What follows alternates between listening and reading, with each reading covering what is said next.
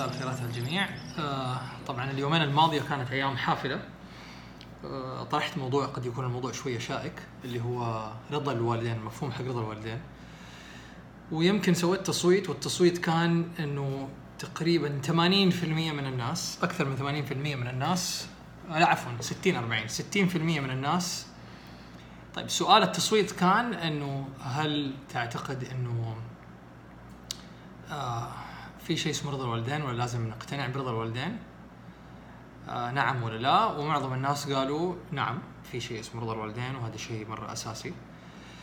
آه والحقيقة إنه كان عندي توقع إنه معظم الناس حتكون معارضة للفكرة بينما بعض بعض القصص اللي نشرتها آه دون ذكر أسماء يعني أسماء اللي ذكروها يعني صراحة في في أشياء محزنة جدا آه وقبل ما أبدأ اطرح في الموضوع واتوسع في الموضوع آه بس أبغى كذا أصل للموضوع كذا بشكل سريع.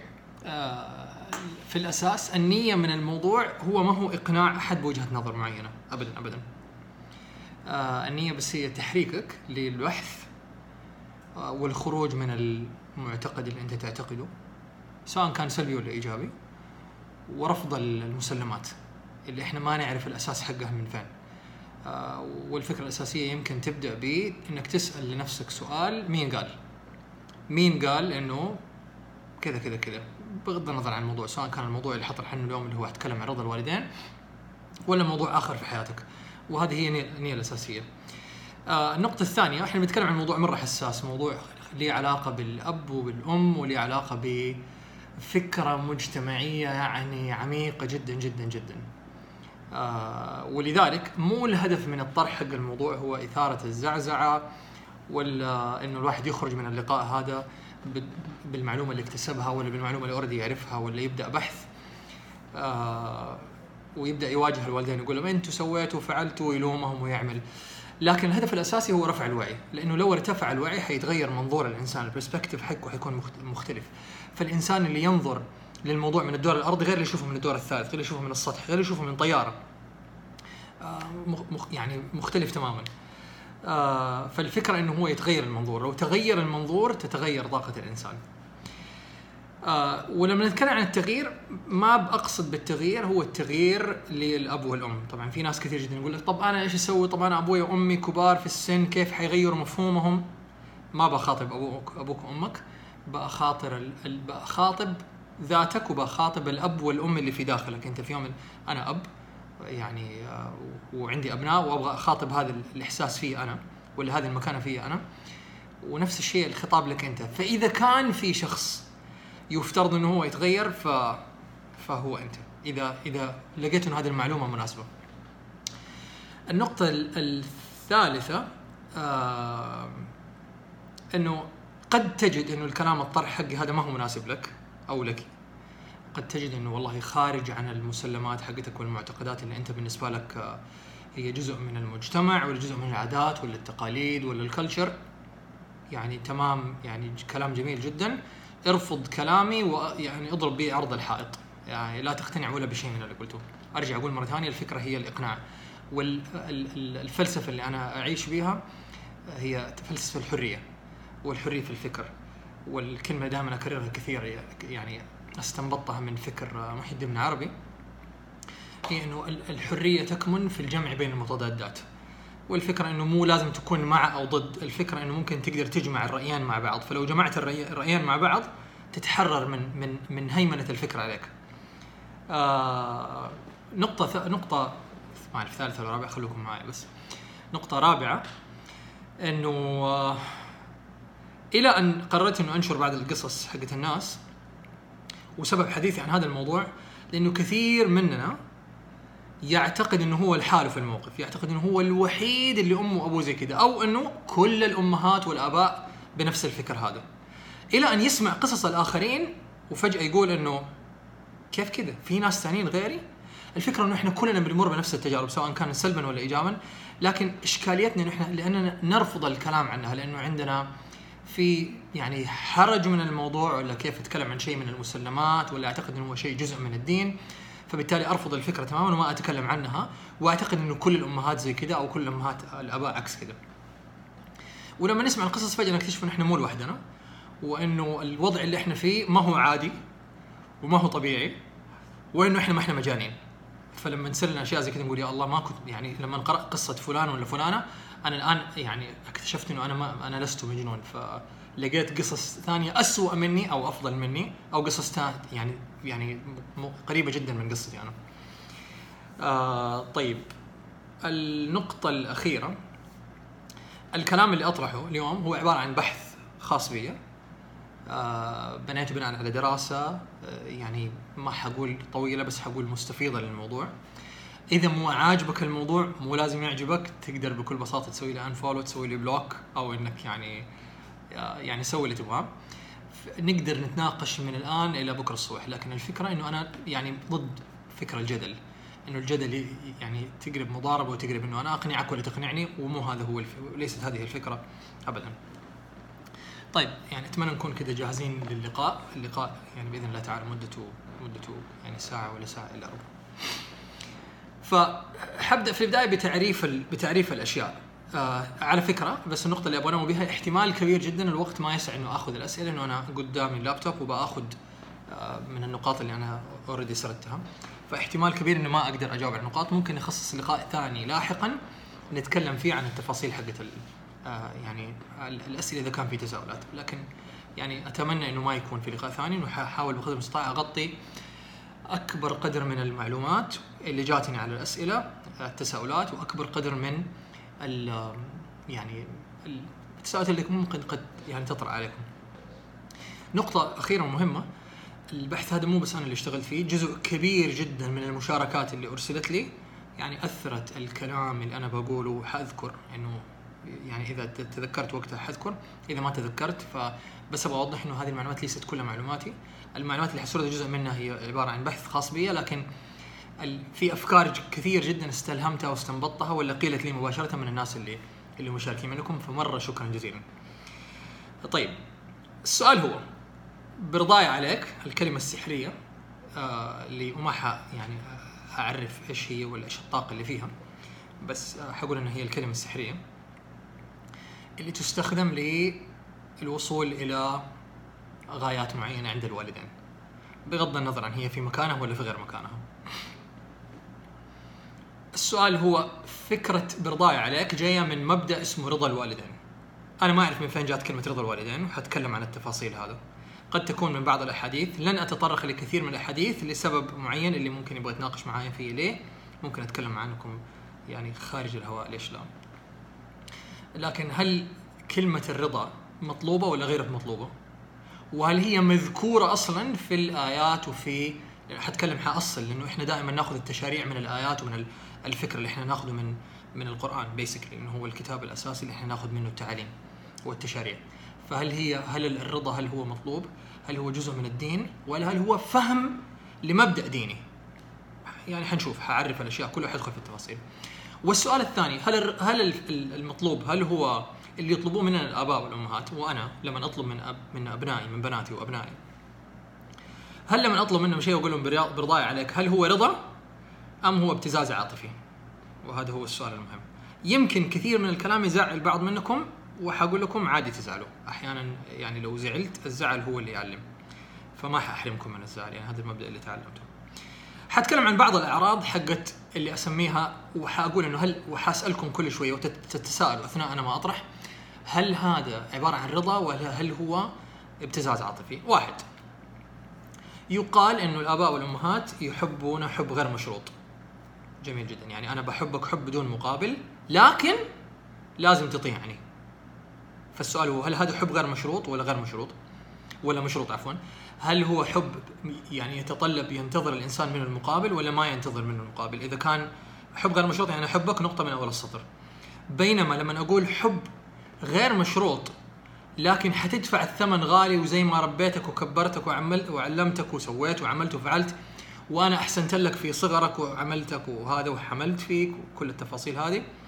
بعدين أقول هذا والله أنا أحبك حب غير غير مشروط. فالسؤال هو هل هذا رضا ولا ابتزاز عاطفي؟ نقطة. النقطة الثانية هل لما استخدم لما يستخدموا الآباء والأمهات أو إحنا نستخدم على أولادنا على أبنائنا فكرة الرضا هل هي حقيقي إحنا نبغى منهم الرضا ولا نبغى منهم يعني وسيلة للي الأذرع؟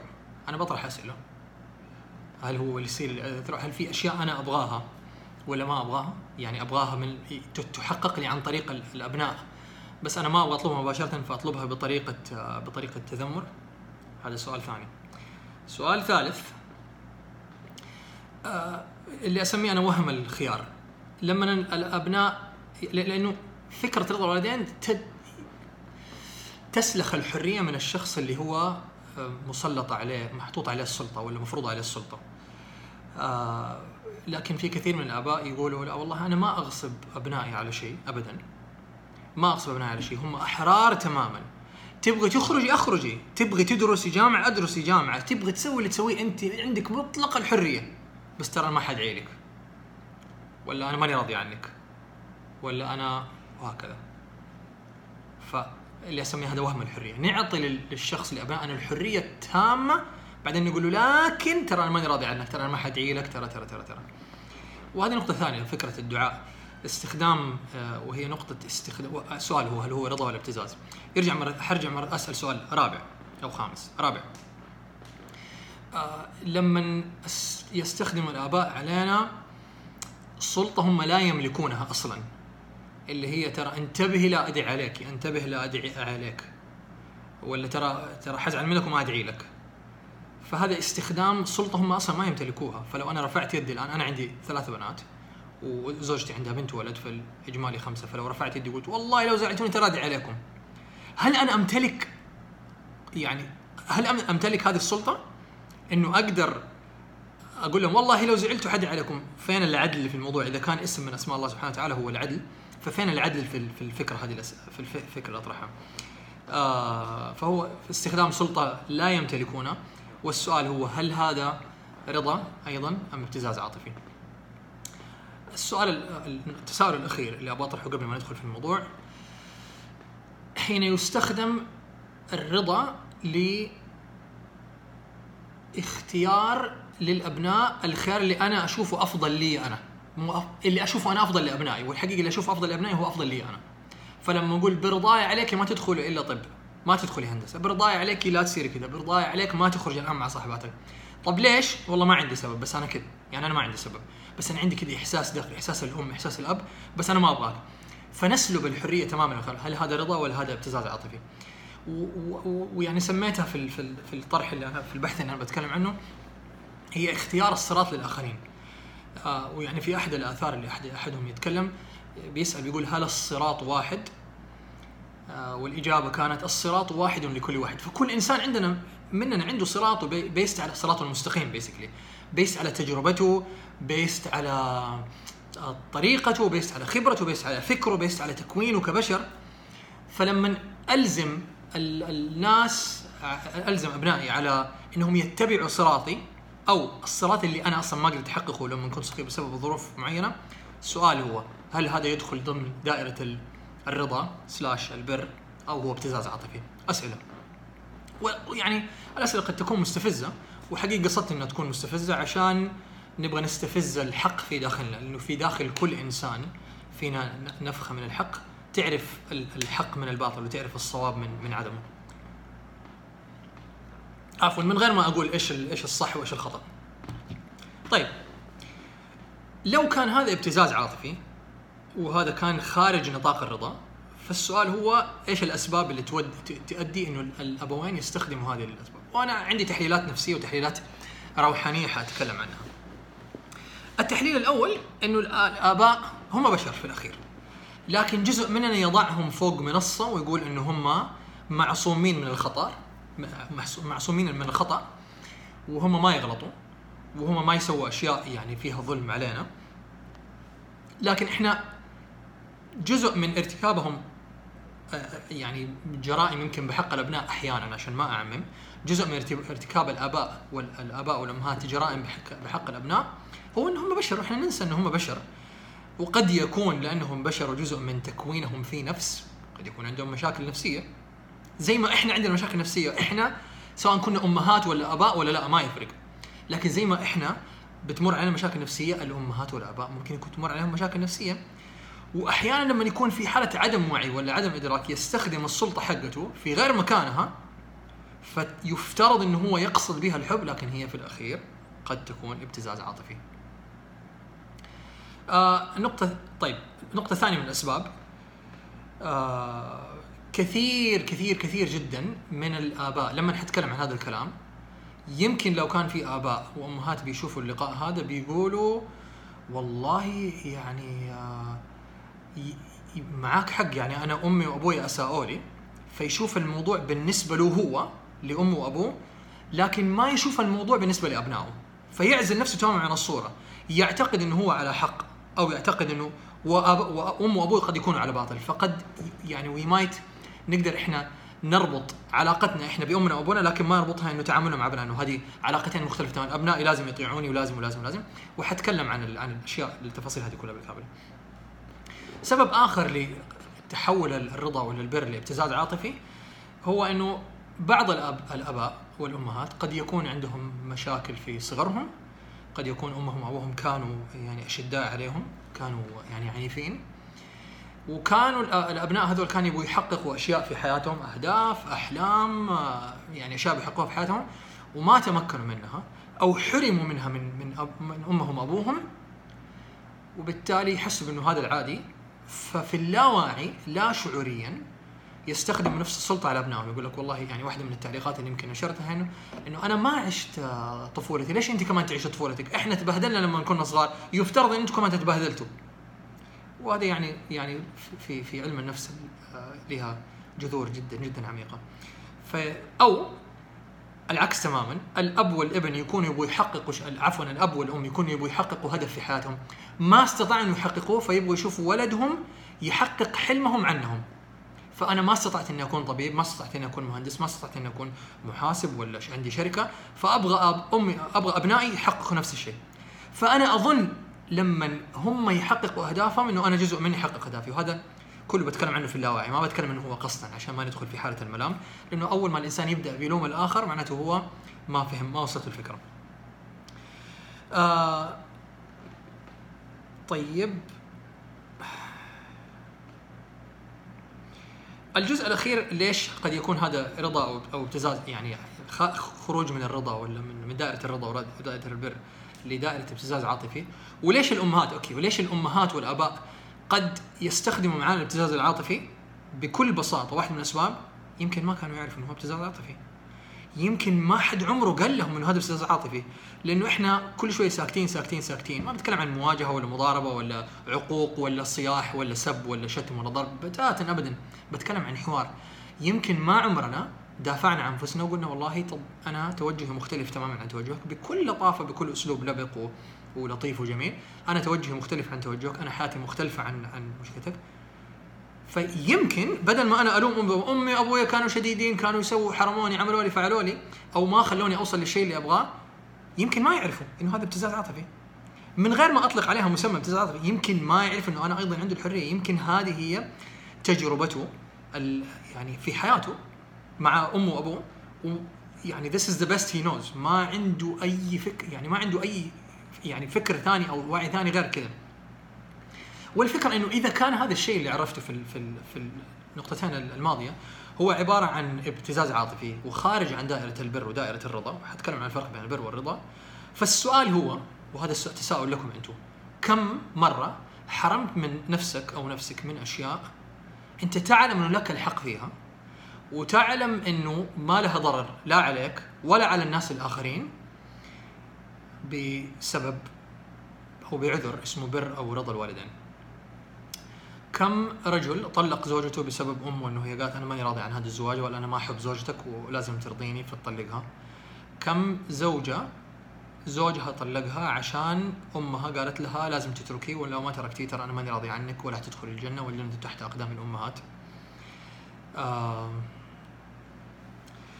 طيب كم بيت اتخرب؟ كم أحلام تحطمت؟ كم يعني أهداف كانت في البال ولا سفرات ولا بعثات ألغيت ولا أشياء كثير جدا ألغيت بسبب مفهوم اسمه بر الوالدين أو أو رضا الوالدين تحت هذه المظلة بدون إحنا ما نسأل وال ويعني سيدنا النبي عليه الصلاة والسلام يقول استفتي قلبك ولو أفتاك الناس وأفتوك وأفتوك ويعني أعتقد انه هو إشكالية لما نعرف إنه جزء من جزء منه حقيقي في قلبنا يقول إنه أنت ماشي على الصراط المستقيم أنت لازم تروح البعثة أنت لازم تسوي زي كذا.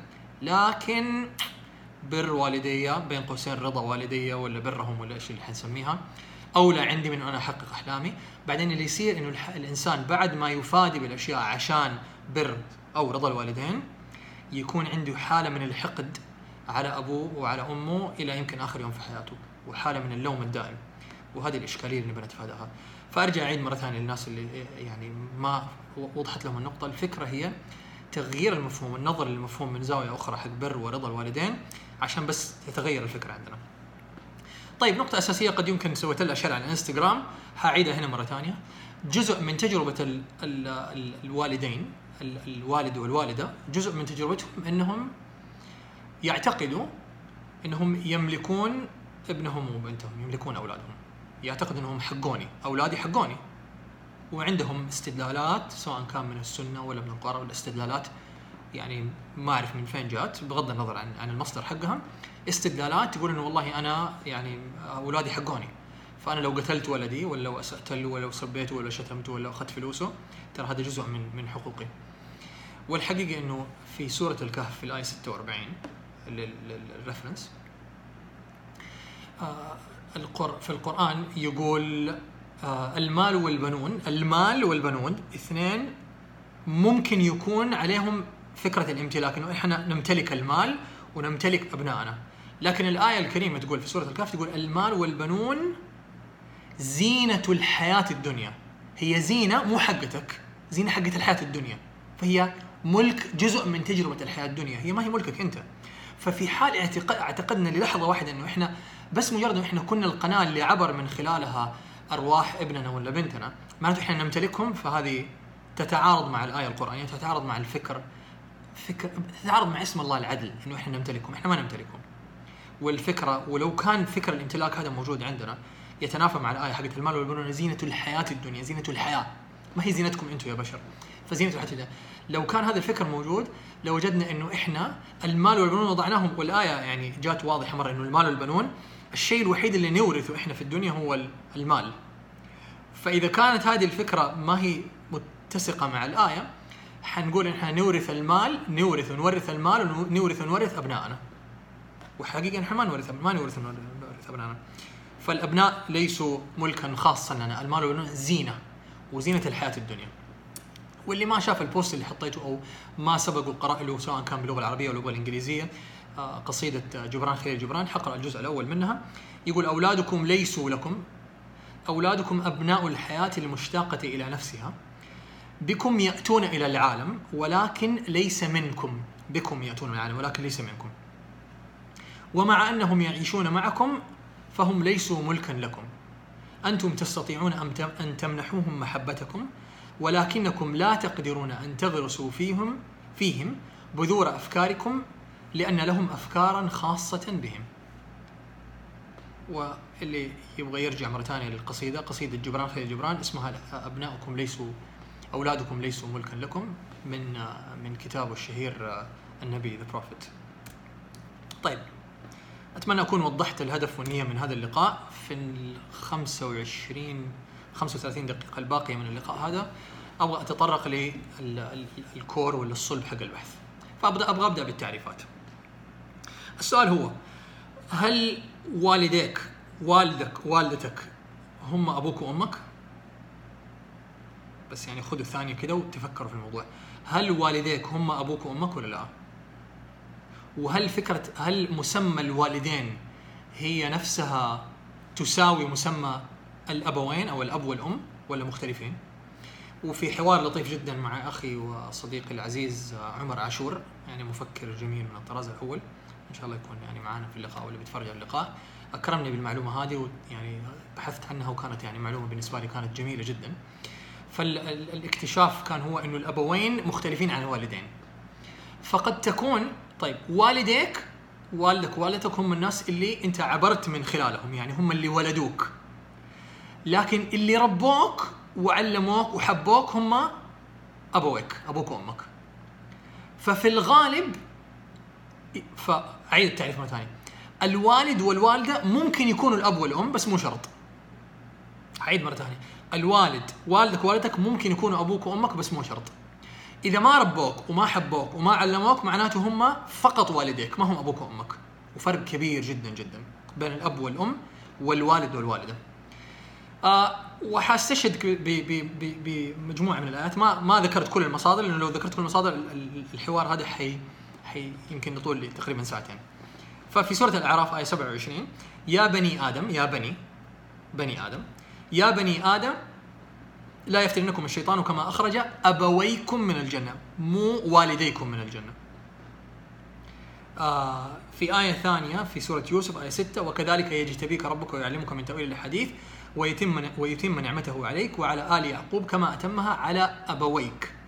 أبويك من قبل إبراهيم وإسحاق إن ربك عليم حكيم. فالأبوين مو هم ما هم الوالدين. آه والحديث النبوي كل ابن آدم ابن آدم يولد على الفطرة فأباه يهودانه ويمجسانه وينصرانه. والفكرة هنا في البرمجة. الأبوين عن طريق الحب أو عن طريق العاطفة اللي يستخدموها يبرمجونه يهودانه يمجسانه ينصرانه بمعنى أفهمها؟ بمعنى يبرمجانه فيبرمجوك على حسب الطريقة اللي هم تربوا عليها. فكل ابن آدم يولد على الفطرة. ابوينه مو وال مو والده ووالدته. ابوينه هم اللي يبرمجوه لكن الوالدين ما يبرمجوا. الوالدين هم مجرد ولدوا وانتهى الموضوع.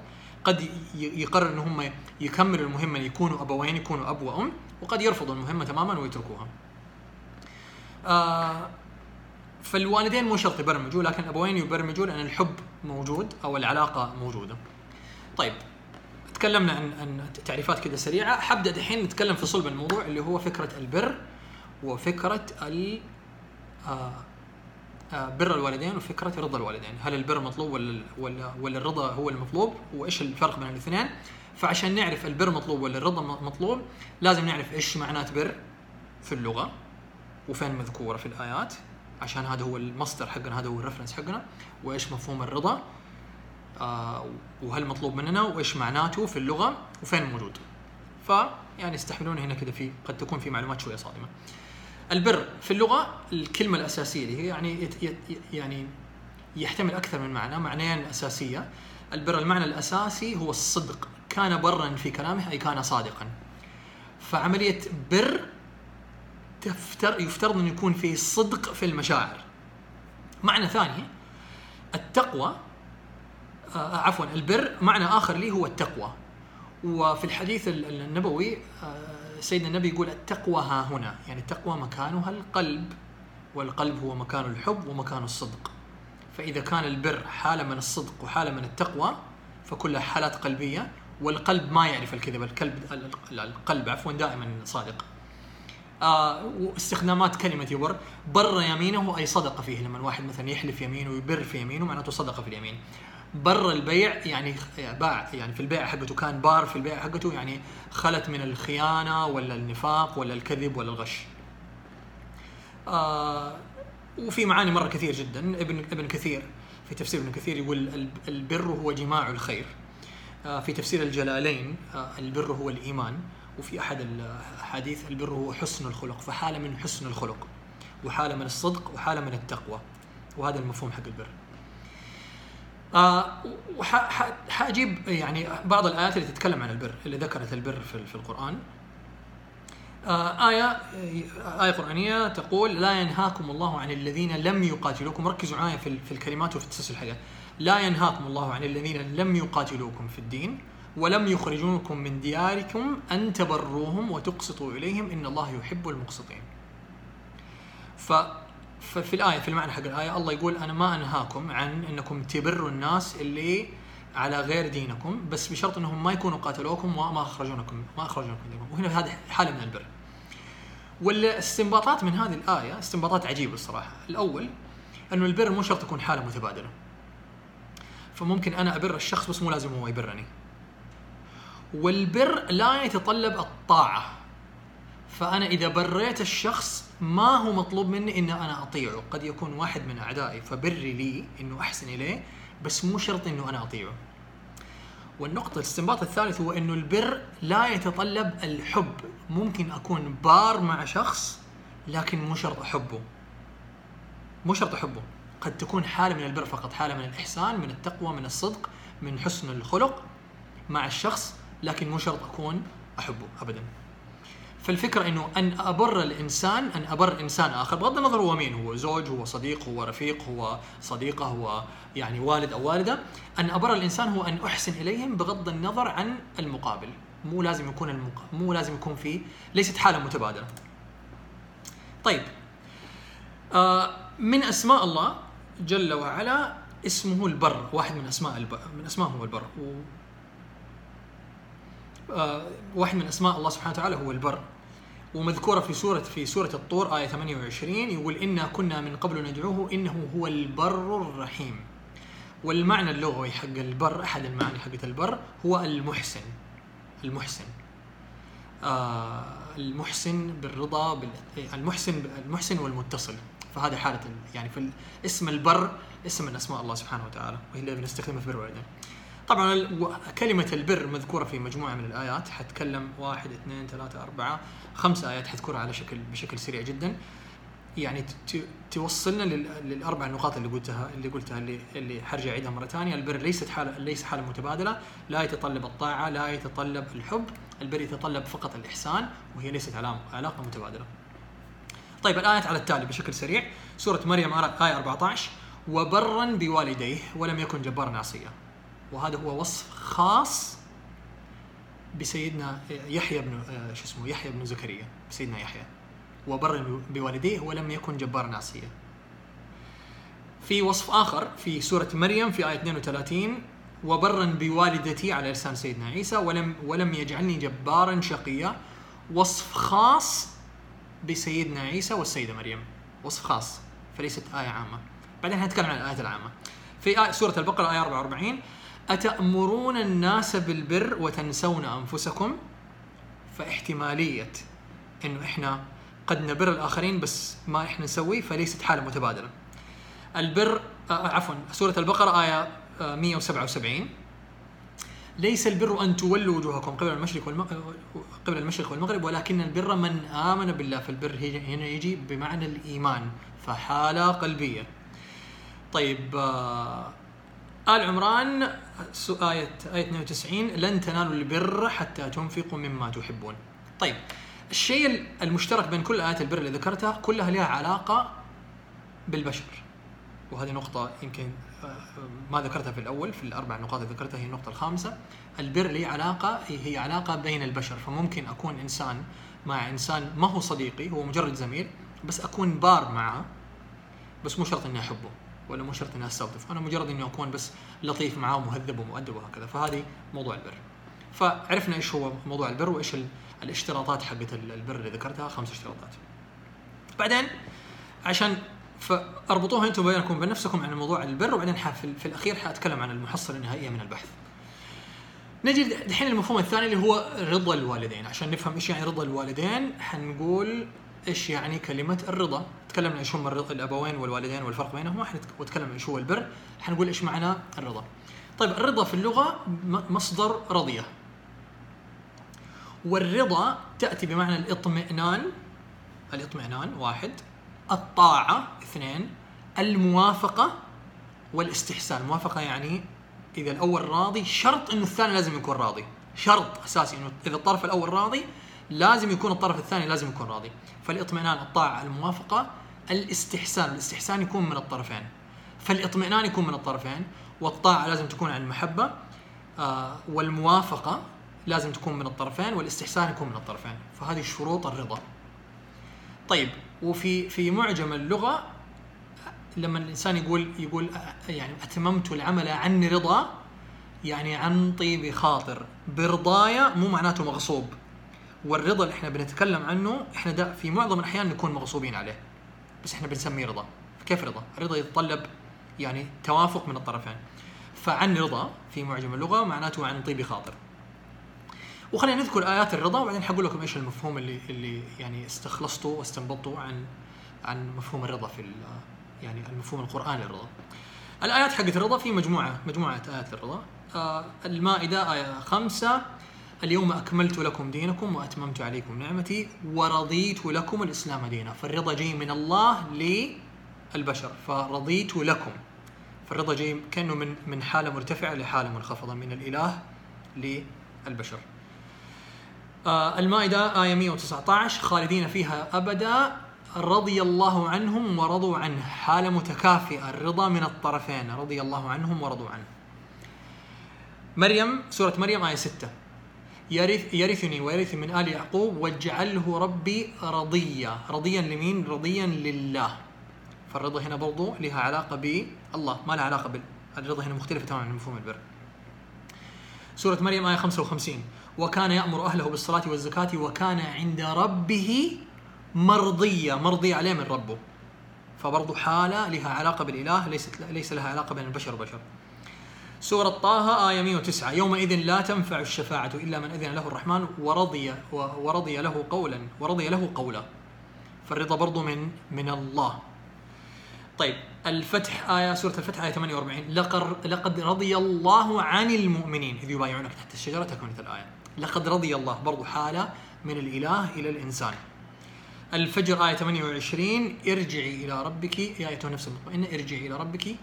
راضية مرضية. برضو حالة متوافقة. الحالة متوافقة. آه والآية حقت رضي الله عنهم ورضوا عنه وردت في المائدة وفي التوبة في سورة المجادلة وفي سورة البينة. وهذا فكرة هذا مفهوم الرضا في القرآن. طيب. في سورة التوبة آية 38 أرضيتم بالحياة الدنيا من ال... طيب okay okay. هذه هذه الآيات اللي فيها الرضا حالة مستحسنة. والفكرة هنا الخلاصة حقت آيات الرضا إنه كل الآيات حقت الرضا اللي مذكورة فيه علاقة بين بين الإنسان وبين بين الإله. ما لها علاقة بالبشر ابدا ابدا ما لها علاقة بالبشر. فالبشر ما هي علاقة بين بشر وبشر.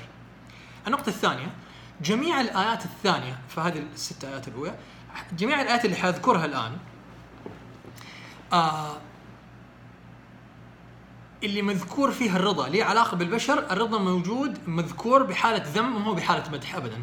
فمثلا سورة التوبة آية 38 أرضيتم بالحياة الدنيا من الآخرة؟ فما متاع الحياة الدنيا في الآخرة إلا قليل. لما كان الرضا عن علاقة مختلفة عن علاقة علاقة بين الله وبين ال بين ال بين الإله وبين الإنسان صارت العلاقة صار الوصف وصف ذم. أرضيتم بالحياة الدنيا من الآخرة؟ فما متاع الحياة الدنيا في الآخرة إلا قليل. سورة التوبة آية 83 فإن رجعك الله إلى طائفة منهم فاستأذنوك للخروج فقل لن تخرج معي أبدا ولن تقاتلوا معي عدوا. إنكم رضيتم بالقعود أول مرة فاقعدوا مع الخالفين. لما جاء الرضا برضو في حالة لها علاقة بالبشر أو لها علاقة بالمادة جاء في حالة ذم فكل الآيات اللي مذكورة في في الرضا هي علاقة بين بين الإله وبين العبد. وكل الآيات اللي مذكور فيها الرضا واللي ليه علاقة بالأشياء المادية وبالبشر مذكورة بحالة ذم. الخلاصة الرضا هو ما هو علاقة بين الإنسان والإنسان. الرضا هي علاقة بين الإله والإنسان وهي شرطة انه تكون علاقة متبادلة. لازم تكون علاقة متبادلة ومن التعريفات حقت الرضا ومن الآيات اللي مذكورة. طيب فلما الآن عرفنا إيش هم الأبوين وإيش هم الوالدين وعرفنا إيش يعني آه، البر وإيش يعني الرضا والفرق بين الرضا والبر. ح نبغى نبدأ نبرر الوالدين ليش الوالدين؟ أو إذا أنتم كنتوا آه، آه، يعني يعني آباء أو والدين عندكم أبناء ليش إحنا نستخدم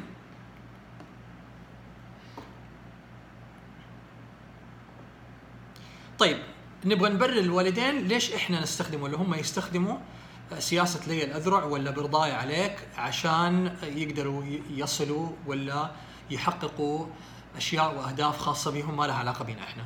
ف يعني حاتطرق للجانب النفسي. الجانب النفسي إنه الولادة والرعاية الولادة في في المقام الأول لما الأم تلد والأب يرعى ابنائه يوحي لهم لأنهم ولدوهم كأنهم خلقوهم. هذا حالة نفسية في اللاوعي. يوحي للوالدين وللأب وللأم. إذا كانوا والدين هم الاب والأم يوحي لهم كأنه هذول خلقون يعني إحنا خلقناهم أو إحنا نمتلكهم. آه ويوحي للطفل إنه أنا هذول أنا حقهم. أنا ما عندي أنا ماني حر أنا كنت في يوم من الأيام متصل بالحبل السري مع الأم فأنا ما زلت ملك أو جزء من هذه من هذه السيدة اللي أنا أدعوها أمي ولا والدتي ففي يعني جزء في اللاواعي تخلي الإنسان لما بعد الولادة يعتقد إنه هذول كأنهم آلهات كأنهم هم اللي خلقوني. وبالتالي عبادتهم بشكل غير واعي أمر منطقي. وصلت؟ فالوالدين عشانهم ولدونا هم يعتقدوا إنه هم إحنا حقونهم وإحنا نعتقد إنه هم اللي خلقونا. فمفهوم العبادة إنه إحنا ممكن نعبدهم ولا هم يكونوا عبيد عندنا؟ وارد جدا في اللاواعي جدا جدا وارد. وحتكلم عن لي- ليش عن الموضوع. طيب.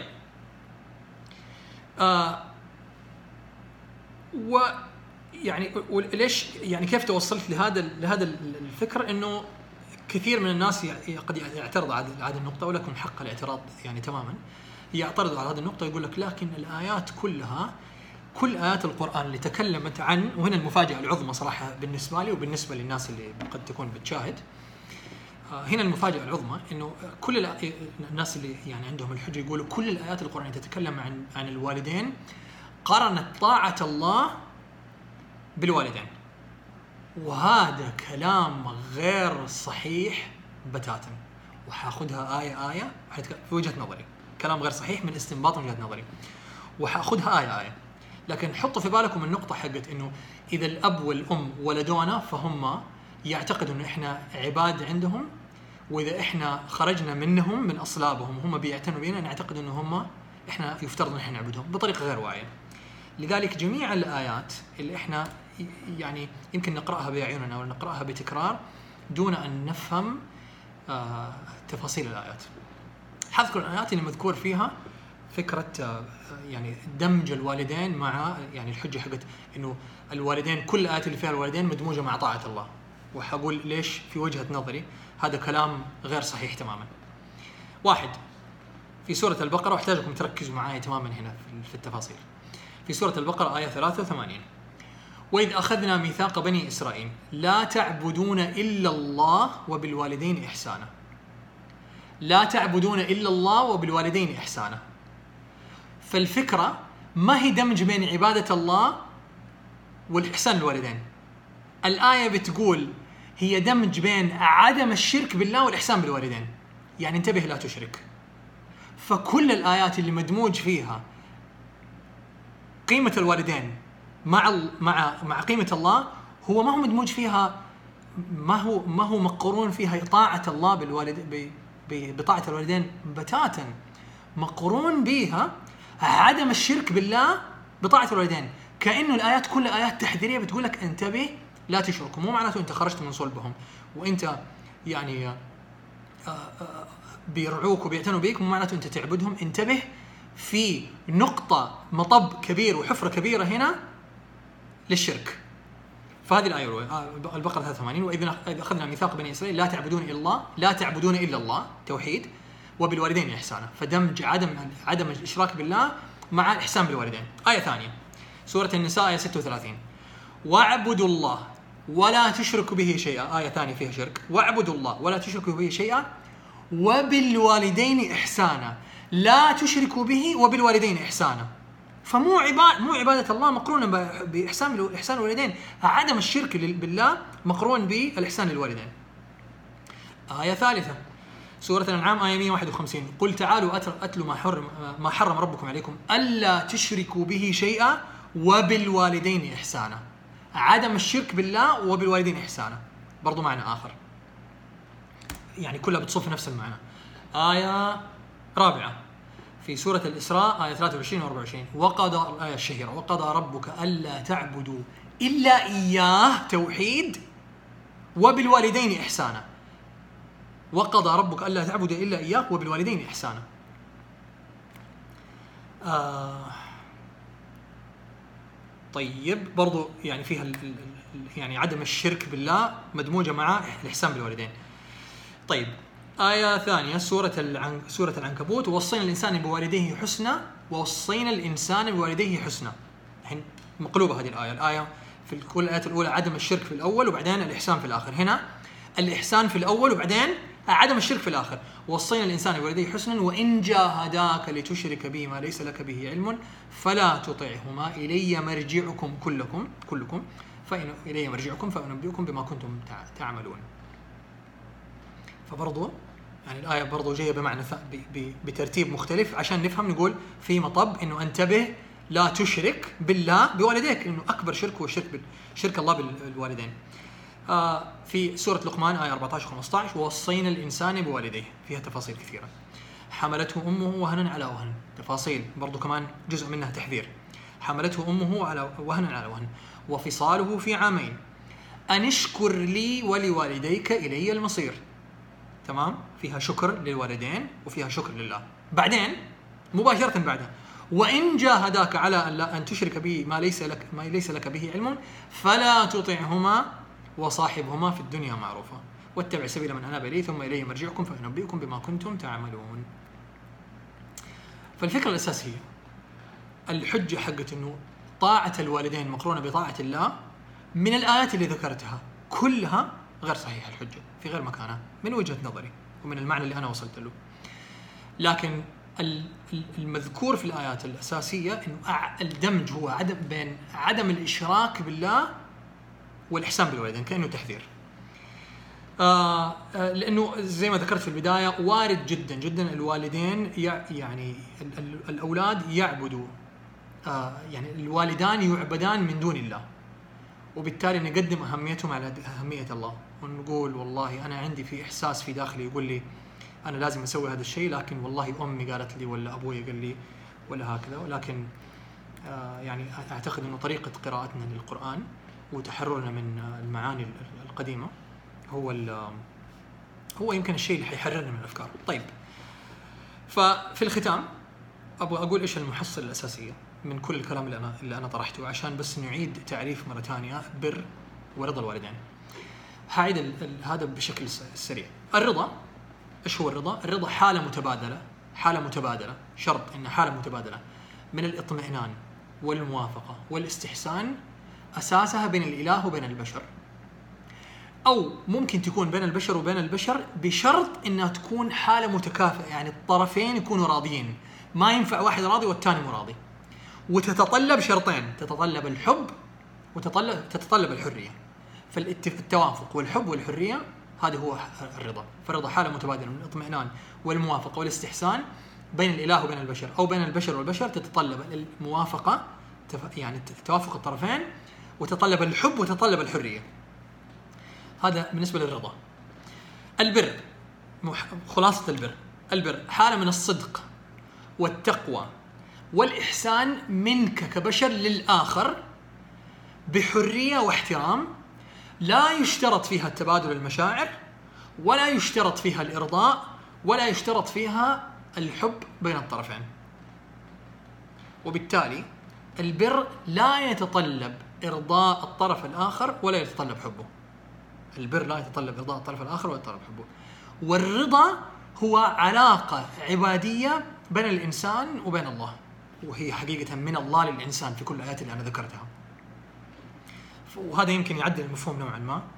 والفكرة إنه هل ممكن يكون عندنا والدين بس ما هم أمنا وأبونا؟ ممكن جدا. هل ممكن والدك والدك اللي ولدوك وصرفوا عليك وسووا عليك بس ممكن ما تحبهم ما كانوا أبوك وأمك؟ ممكن. هل ممكن هل لازم تحبهم؟ لا مو لازم تحبهم. هذا يمكن قد يكون كلام خطير ويعني حيزعل الناس مرة كثير. لكن الحب خيار الحب ما هو إجبار. الحب ما ما, هو إجبار. آه، وبأدلة كثيرة. يعني جدا موضوع آه، موضوع الحب إنه الحب ليس إجبار. فبالتالي البر بر الوالدين ولا بر الزوج وهذا موضوع ثاني أخطر يمكن بر الوالدين ولا بر الأصدقاء ولا البر بما مفهوم الشامل لا يتطلب ارضاء إرضاء الطرف الآخر ولا يتطلب حبه والرضا ما هو. ما هو مطلوب تجاه الوالد والوالدة بتاتا. فالمفهوم اللي إحنا فيه مفهوم بالنسبة لي مفهوم مغلوط جدا آه وجهة نظري الشخصيه طيب مفهوم الحب يتطلب الحرية. أي حب ما في حرية أنا ححبك بشرط إنك تجيب لي واحد اثنين ثلاثة أربعة. لو ما سمعت الكلام حصير ما أحبك. الحب يتطلب حرية ويتطلب رضا من الطرفين ويتطلب يعني حالة حالة مشاعرية من الطرفين. فأي حب ما في حرية هو ببساطه وسيلة للتحكم. وال- والحقيقة يمكن ما حتكلم عن الحقيقة بشكل عام. الحقيقة اللي أنا أشوف من وجهة نظري إنه ما يسمى الحب في علاقة الأبناء والآباء الأب الآباء بأبنائهم والوالدين بأبنائهم هو عبارة عن وسيلة لل- لل- للتحكم وللكنترول فقط لكن هو يعني بعيد تمام البعد عن الحب. وسيلة للتحكم والحصول على المآرب الشخصية. آه آه نقطة أخيرة. آه إشكالية إنه إحنا عندنا دائما لما نقول والله يعني كثير من النا- الناس اللي تكلموا معايا في خاصة على الخاص ولا الرسائل اللي قد جزء منها شاركتها وجزء ما شاركتها يقولوا إحنا بس ما نقدر نقول لهم كلمة لا. آه، وكلمة لا هي الكلمة اللي بعثنا بها هنا في هذا في هذا الكوكب آه، هي بداية لا إله إلا الله. يعني واحدة من العبارات اللي أرددها كثيرا هي إنه لا فيها الحرية ونعم فيها العبودية. فلما أقول لا لشخص أنا أتحرر ولما أقول نعم لشخص أنا أستعبد لهذا الشخص. واللا في غير مكانها فيها ظلم والنعم في غير مكانها فيها ظلم. للشخص لكلا الطرفين لك أنت وللطرف الثاني آه آه ويعني. إحنا دائما نقول ما نبغى نقول لهم لا عشان نبغى نزعلهم والزعل هو من أكثر الأشياء اللي تخلينا نتعلم ونستفيد ون... يعني نتعلم من خبراتنا. آه طيب النهاية من هذا البحث كله يعني ال- السريع والطرح السريع فيما تبقى من الوقت النهاية ان رضا الوالدين من وجهة نظري ومن البحث ومن كل السدات اللي ذكرتها هو غير مطلوب بتاتا. برهم مطلوب لكنه لا يتطلب رضاهم وبرهم المطلوب لا يتطلب حبهم. حرجع عيد مرة ثانية إنه هذه هي الخلاصة الأساسية. رضا الوالدين غير مطلوب وبرهم لا يتطلب رضاهم. برهم مطلوب لكنه لا يتطلب رضاهم و... ورضاهم لا يتطلب حبهم ممكن أرضيهم عفوا ممكن وبرهم عفوا ولا يتطلب حبهم فممكن أبرهم وما أحبهم وممكن أبرهم من غير ما أرضيهم مو شرط الرضا مو شرط الرضا يكون موجود.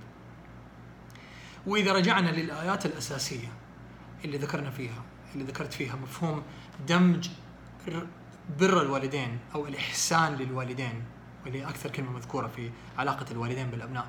الإحسان للوالدين مع العلاقة مع مع عدم الإشراك بالله فالتحذير الأساسي هو التحذير القرآني اللي اللي ممكن نقع فيه. وهذه المحصلة النهائية حقتي للبحث إنه رضا الوالدين وحتركوا يعني كتساؤل لكم آه، أنتم آه، هل رضا الوالدين من رضا الله؟ وإذا كان رضا الوالدين من رضا الله هل لو أرضيت الوالدين قبل الله ولا حطيت رضا الله مع رضا الوالدين في نفس المقام هل هذا يعتبر شرك ولا ما يعتبر شرك؟ باستدلالا بالآيات اللي أنا ذكرتها. النقطة النهائية هذا طبعا تساؤل لكم أنتم تقدروا تفكروا فيه واللي يبغى أنا حسوي بوست للآيات اللي ذكرتها وححطها كلها بالكامل. لكم أن تتفقوا لكم أن يعني تختلفوا في في ال- في الفكرة. بس النقطة الأساسية بعد الحوار هذا والطرح اللي تكلم اللي تكلمت فيه وكل الاستدلالات والأشياء اللي ذكرتها أبغى أنوه إنه لا تخرج من هذا الحوار تخرج تضارب. المهمة من هذا الحوار هو إعطائك برسبكتيف ولا منظور مختلف تماما عن المنظور اللي كان عندك. مهمتك مو إنك تغير أحد مو إنك تغير أمك ولا تغير أبوك ولا تغير قبيلتك ولا إنك والله يعني ما أعرف إيش اللي حتسويه لكن ولا مهمك مهمتك ان أنت تفهمهم ولا يصيروا يفهموا ولا مهمتك إنه أنت تفهم وأنت تعي وأنت تغير ردود أفعالك بالنسبة لهم. أنت كيف هم يتغيروا؟ إنك لا تهدي من أحببت. إن يعني آه إن الله لا يغير ما بقوم حتى يغيروا ما أنت ما تقدر تغير أحد. أنت يا دوبك تغير نفسك. إحنا يا دوب نغير نفسنا. فمو مهمتنا نفهمهم ونغيرهم إحنا مهمتنا إحنا إحنا اللي لازم نفهم وإحنا اللي لازم نتغير وإحنا اللي لازم نوعى أكثر. ولو وعينا أكثر وفهمنا أكثر هم اوتوماتيكيا وعينا حيلمسهم حياتهم طريقتهم حتتغير وعيهم معانا حيتغير لأنه دائما لما أنت تتغير يعني حين تتغير نظرتك للأشياء وللحياه وللاخرين فإن الحياة التي تنظر إليها ستتغير.